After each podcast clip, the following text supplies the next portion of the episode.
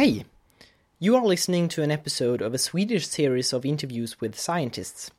Since the interview subject today does not speak Swedish, we figured we could do the whole episode in English. The podcast editing team are members of the Federation for Young Scientists, a Swedish NGO for young people who love science and technology. The person we are meeting today is Klaus Robert Müller. He's a professor at TU Berlin in computer science, more specifically in machine learning. Machine learning is, put simply, a term for methods of making computers seeing patterns. We actually use these methods in everyday life without knowing it. For example, when we use an internet search engine. Klaus has been working as a researcher in many different countries for about 20 years. He has made several theoretical contributions and is also very interested in applications, in particular in biological data. Part of his research consists in using machine learning methods in order to develop our understanding of the brain. I met him a few weeks ago in his office, situated in Berlin, just a few hundred meters from the Landwehrkanal.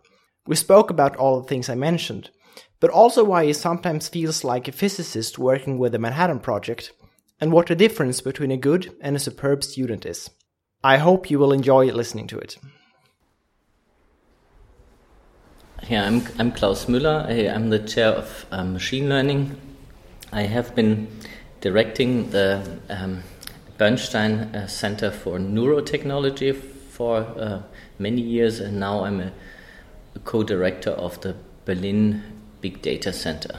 I was actually educated as a physicist, as a theoretical physicist, and after discovering that uh, it's very hard to become a professor in theoretical physics because there are so many geniuses around in this planet. Um, I decided to move to computer science, um, where there are also many geniuses on this planet, but they don't all want to become professors.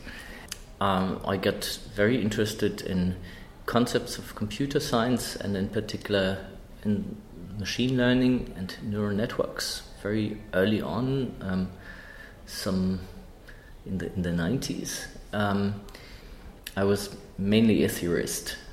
Then in 95, I got very interested in biomedical data. And why, why did a theorist get interested in biomedical data? That's a good, good question. The, the truth, what happens, and that's a very good example for the typical serendipity that happens in science what happened was that my colleague from University of Tokyo told me that he wanted to invite me to a conference in Japan and I needed to give a talk and I needed to not only talk about the theoretical stuff but also give some application to biology. And at that moment I had no application in biology in mind and um, but I wanted to go to this workshop and um, and he he told me you have six weeks, then I want to see your paper. so having worked with this biomedical data, all of a sudden you realize, okay, yeah, it it is actually quite interesting as a um, object of research to think and and study the brain. And the reason why I found this very interesting is that it's it's extremely challenging. Why is it challenging? Because it's a very um, noisy signal from the signal processing point of view. Of course, biologists would always um, object because you know what is noise, what looks like noise, it, it's actually our information processing. So it's a bit. Um, I often call this the cerebral cocktail party. So it's it's like a real cocktail party that you know you you you are in a room and a lot of people are speaking at the same time, but still you can focus on and concentrate on what your neighbor says if you're interested, or you can you know decide not to listen to, to him but to somebody else. So um, and you know what what has been very interesting for me is is the idea can can we despite this cocktail party problem can we actually extract and filter out and detect activity, so to say, thoughts that are produced by the brain, and in a sense, read out these thoughts. There were maybe 12 medical groups on this planet Mm, and their goal was to help um, heavily disabled patients, the so called ALS patients, amyotrophic lateral sclerosis. Um, so they are locked in patients, so their brain is intact, but they are unable to move, and therefore also mostly um, unable to speak. So your brain is intact, so you perceive everything, but you're unable to communicate what you're thinking. So it's a it's a nightmarish situation, and and so the motivation for these medical groups was always to to provide a channel to the outside for these patients, and um, they were doing this also by trying to decode EEG activity. They used about um, 300, 100 to 300 hours of training, biofeedback training of the patients or the subjects in, so that the subjects could learn to control their brain signals such that they could be decoded with comparatively simple signal processing techniques. So I, when when I um, heard about this, read about this, and I discussed with the PIs of, of this research that was going on, I, I thought, well, wouldn't it be much nicer and more natural if the patients just think whatever they think and a machine learning tool, a machine learning algorithm could could extract what they're thinking. We basically um, developed within a few years, um, maybe 2002 or 2003 was the first time when when we could get the subject training from 100 300 hours down to 10 20 minutes um, you know think about the following question so think about that you take a picture, right? A picture of things. Okay, so in your camera you will see a little yellow rectangle that you know places itself around faces. So the the basis of this is machine learning. So you're trying to build an estimator in this case from the data, in this case images, to estimate where are faces in the image. Okay, so that's a typical machine learning question. Um, so, abstractly speaking, machine learners try to understand the relation between the data and some labels. The data would be images, the labels would be faces or places where faces are in this example. So, say we have 1000 times 1000 pixels, then we have a million um, different pixels, and these have different colors. So they have different color values. I don't know, maybe. Um, Let's say between zero and one. Between you know zero and two hundred fifty-six, whatever, right? So then this means that you have a thousand times thousand, meaning a million-dimensional vector, which has a certain value, right? So every picture, so to say, is represented in this million dimensional space, space as a little dot, okay? And now the question is is this particular picture, um, is this a face or non face? So you can imagine having a cloud of dots that correspond to faces and another cloud that corresponds to non faces. And then the, the task would be mm, to, to have some, some ball or some kind of mm, mm, kind of surface that you put around the faces that, so that you can classify the faces to the non-faces. The, the most simple technology with which you can can do such a surface would be to have the mean of all faces, okay, and the mean of all non-faces, and then you know then you, you ask, are you closer to the mean of all faces or are you closer to the mean of all non faces? This would be a, a stupid vanilla um, classifier and it wouldn't work very well. So it wouldn't make it into your camera. So, but, but in, in practice, um, things are much more complicated and nonlinear and things are very high dimensional.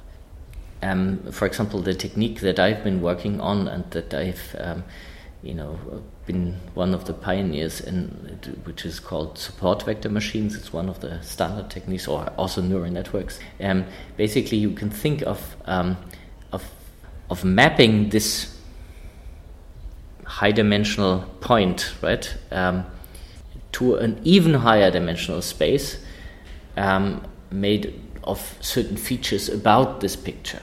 For example, if I take all possible pixel to pixel values and correlations up to order 5, then a million dimensional picture would then be mapped into a million to the fifth um, dimensional um, feature space, which would be outstanding, very close to infinity for all practical purposes. And and um, the challenge is is to still compute your means there. And of course, you wouldn't do this. And neural networks or support vector machines, uh, they are just two examples of of very efficient mathematical strategies of dealing with these very highly nonlinear uh, uh, mappings to these feature spaces.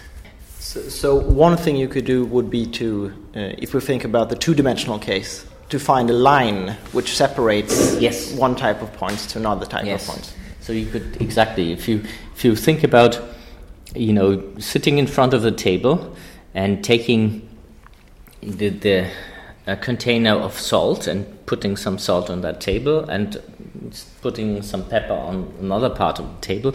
Then you can you have two clouds so to say now in two dimensions and you can try to separate them by drawing a line between them.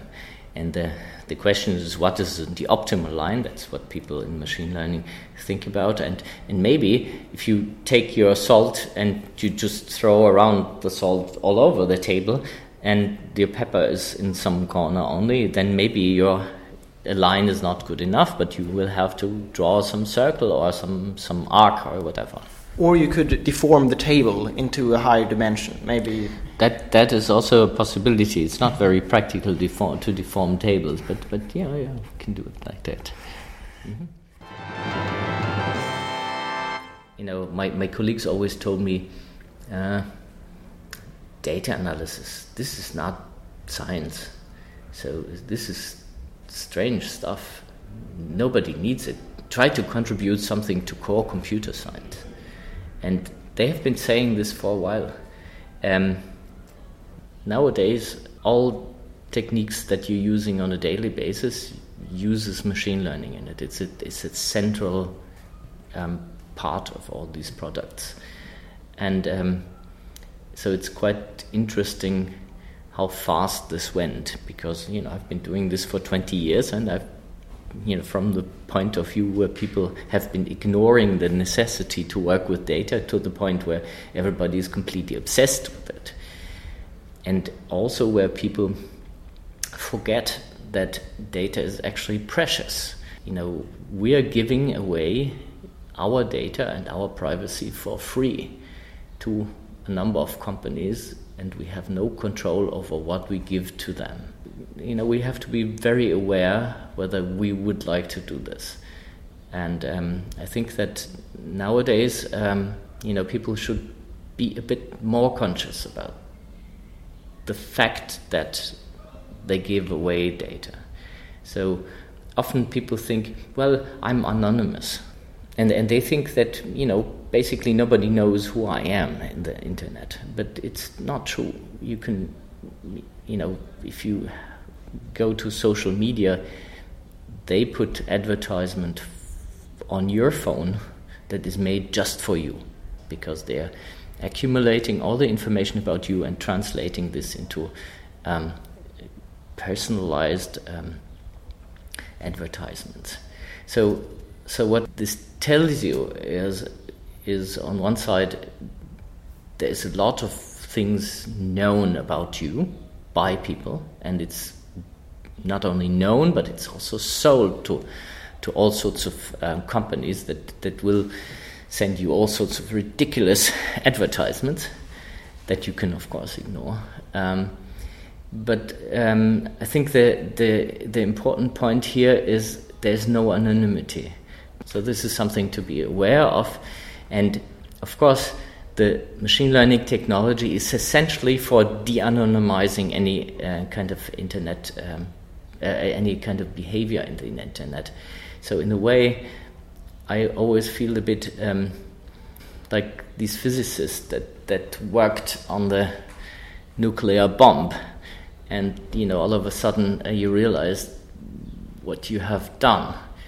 I always um, was very interested in understanding the mathematics um, of machine learning procedures and how to make them better, how to make them more robust. So you can do great things with machine learning methods. You can help help to detect cancer. You can make predictions about certain um, medical diseases and their status.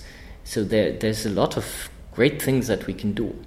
It's a tool, and the the uh, but there's also a lot of things that we can that people do nowadays where this tool is being misused, and I think that our society needs to think and decide, and particularly the young generation needs to think and decide what is acceptable use of data. You've been in the USA and in South Korea and in Germany and Yes. in Japan. You Yes. mentioned, yeah.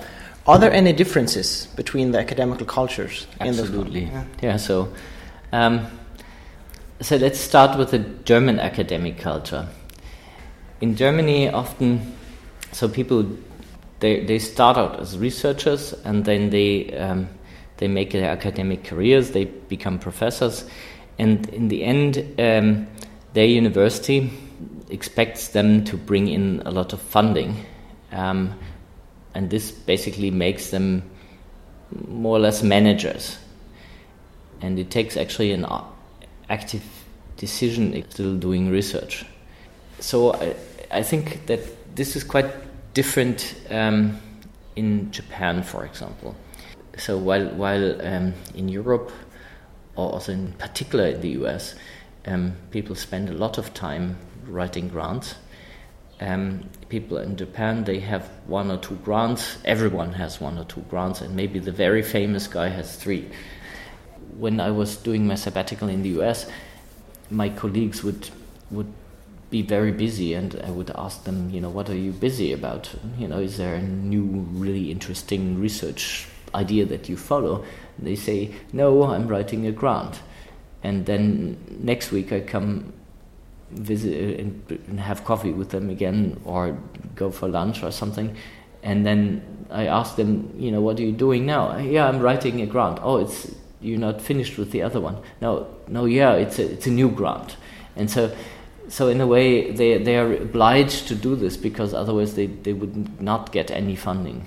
So so I think that in in Europe we have a much broader set of public funding, and in particular, um, if I think about brain-computer interfaces, um, you know, this is public funding, so I can report about the good sides and the bad sides when it works and when it doesn't work. Um, in the US, a lot of this funding in, the, in my field is done by the military. So people often don't report what, what is found, and it, it's not in the public. And I think this is, I mean, I'm very happy to be here because I can talk about results very openly. You think that it's important and that researchers also found companies. Why, Yes. why is that? Yeah, I mean, so you know, with Germans, Germans are genuinely risk averse. Um, I would say, of course, there are exceptions. Um, so if you if you found a company in Germany and it fails, then this is sticks, um, so to say, to your cheek for the rest of your life. If you found a company in the US, then you and you fail, then then you you found the next company, right? So people think that you have more um, experience now, and I think that's a better and more sober attitude. Um, of course, assuming that you're doing things in a in a reasonably um, uh, conscious way, right? Um, so, but I, I think that that um, you know nowadays we cannot rely on big companies. You know, the innovation really comes from the small companies and um, and uh, people, you know, wanting to put their heart blood into this and wanting not to to discuss with management hierarchies of whether they their ideas could make a change. So I think the the, the attractiveness of, of founding of, of be, taking part in small companies is that the,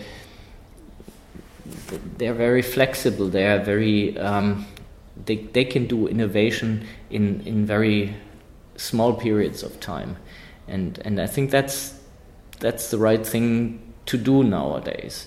Europe is not bad in in, in you know having programs that then enable um, founders to to create companies. I think people, young people with a brilliant idea, they're founding a company here. They're they're able to scale it to a certain limit, and then there's a moment when you know nobody provides money to them because it's so risky. So some of the banks they they only give give money if basically your grandmother would give you this money as well if, if it's a no no brainer. So and um, yeah, I think that's that's really a problem.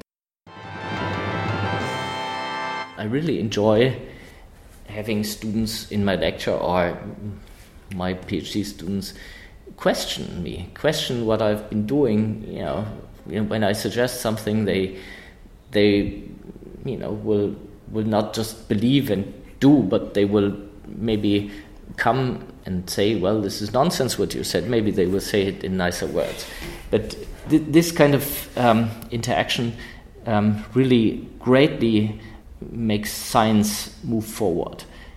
You know, one one of my colleagues once said, you know, the way you, you recognize a good student is that he, you know, you tell him, you suggest something, and two days later he comes back and, and has proven that what you said is, is not right and that, you know, you may change things. And so, so the, the okay student will, will prove that it's not right what you said. The superb student will have another idea and then you can interact and you can try things. In all these countries, I've I've I met extremely talented students and extremely lazy students. so, um, and and some of the students are both. And uh, I think uh, the but but the question is not the the talent or the laziness, but it, the question is the, the, whether the students are motivated to do something new. So, is that a tip of yours to people wanting to pursue academic careers? Be stubborn and uh, suggest things. Well, I mean, I think just being stubborn is not enough. You have to be a bit open as well, uh, because otherwise you don't learn anything. Um, but I think it's important to um, you know some of the ideas that have become very popular that that I had you have them you know in a very short period of time maybe in an afternoon and then you take months to work it out properly but what people don't see is you take years of thinking about this until you can have this idea at the afternoon. So, so what I'm trying to say is, you need to have, um, you need to work very hard um, and and to to think long time um, until you you can get some new and original thoughts. Maybe it's not really important to put 80 hours, um, you know, a, a week into research, but it's important to you know, be open and to be a bit relaxed and perceptive, because I, I often encounter that, that people they, they think very hard on something, and they are so focused that they don't see the result. Uh, they don't see the potential solution because they are sitting on it. Right. So it's uh, sometimes you have to step back, and you are able to mentally be be stepping back to this.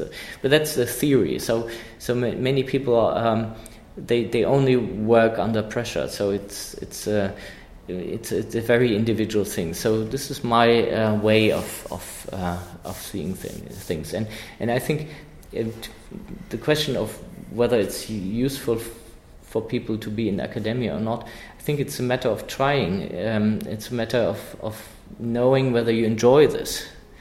It's enjoying active research and enjoying having new ideas and new insights, but also it's it's the question of you know whether you you enjoy working with young people and you enjoy teaching them, and also whether you enjoy being questioned all the time, you know, in your authority in quotes. Some some people can't take this. I think that this is something that you have to be able to take. Otherwise, you, are not a good researcher, not a good uh, advisor for students. Okay, now I think I have more material than enough. I very much thank you because I know you have a lot to do. Mhm. so, yeah, vielen Dank für dieses Gespräch. Gern geschehen. Okay. So, Chris, would this be a FINA Fiskin?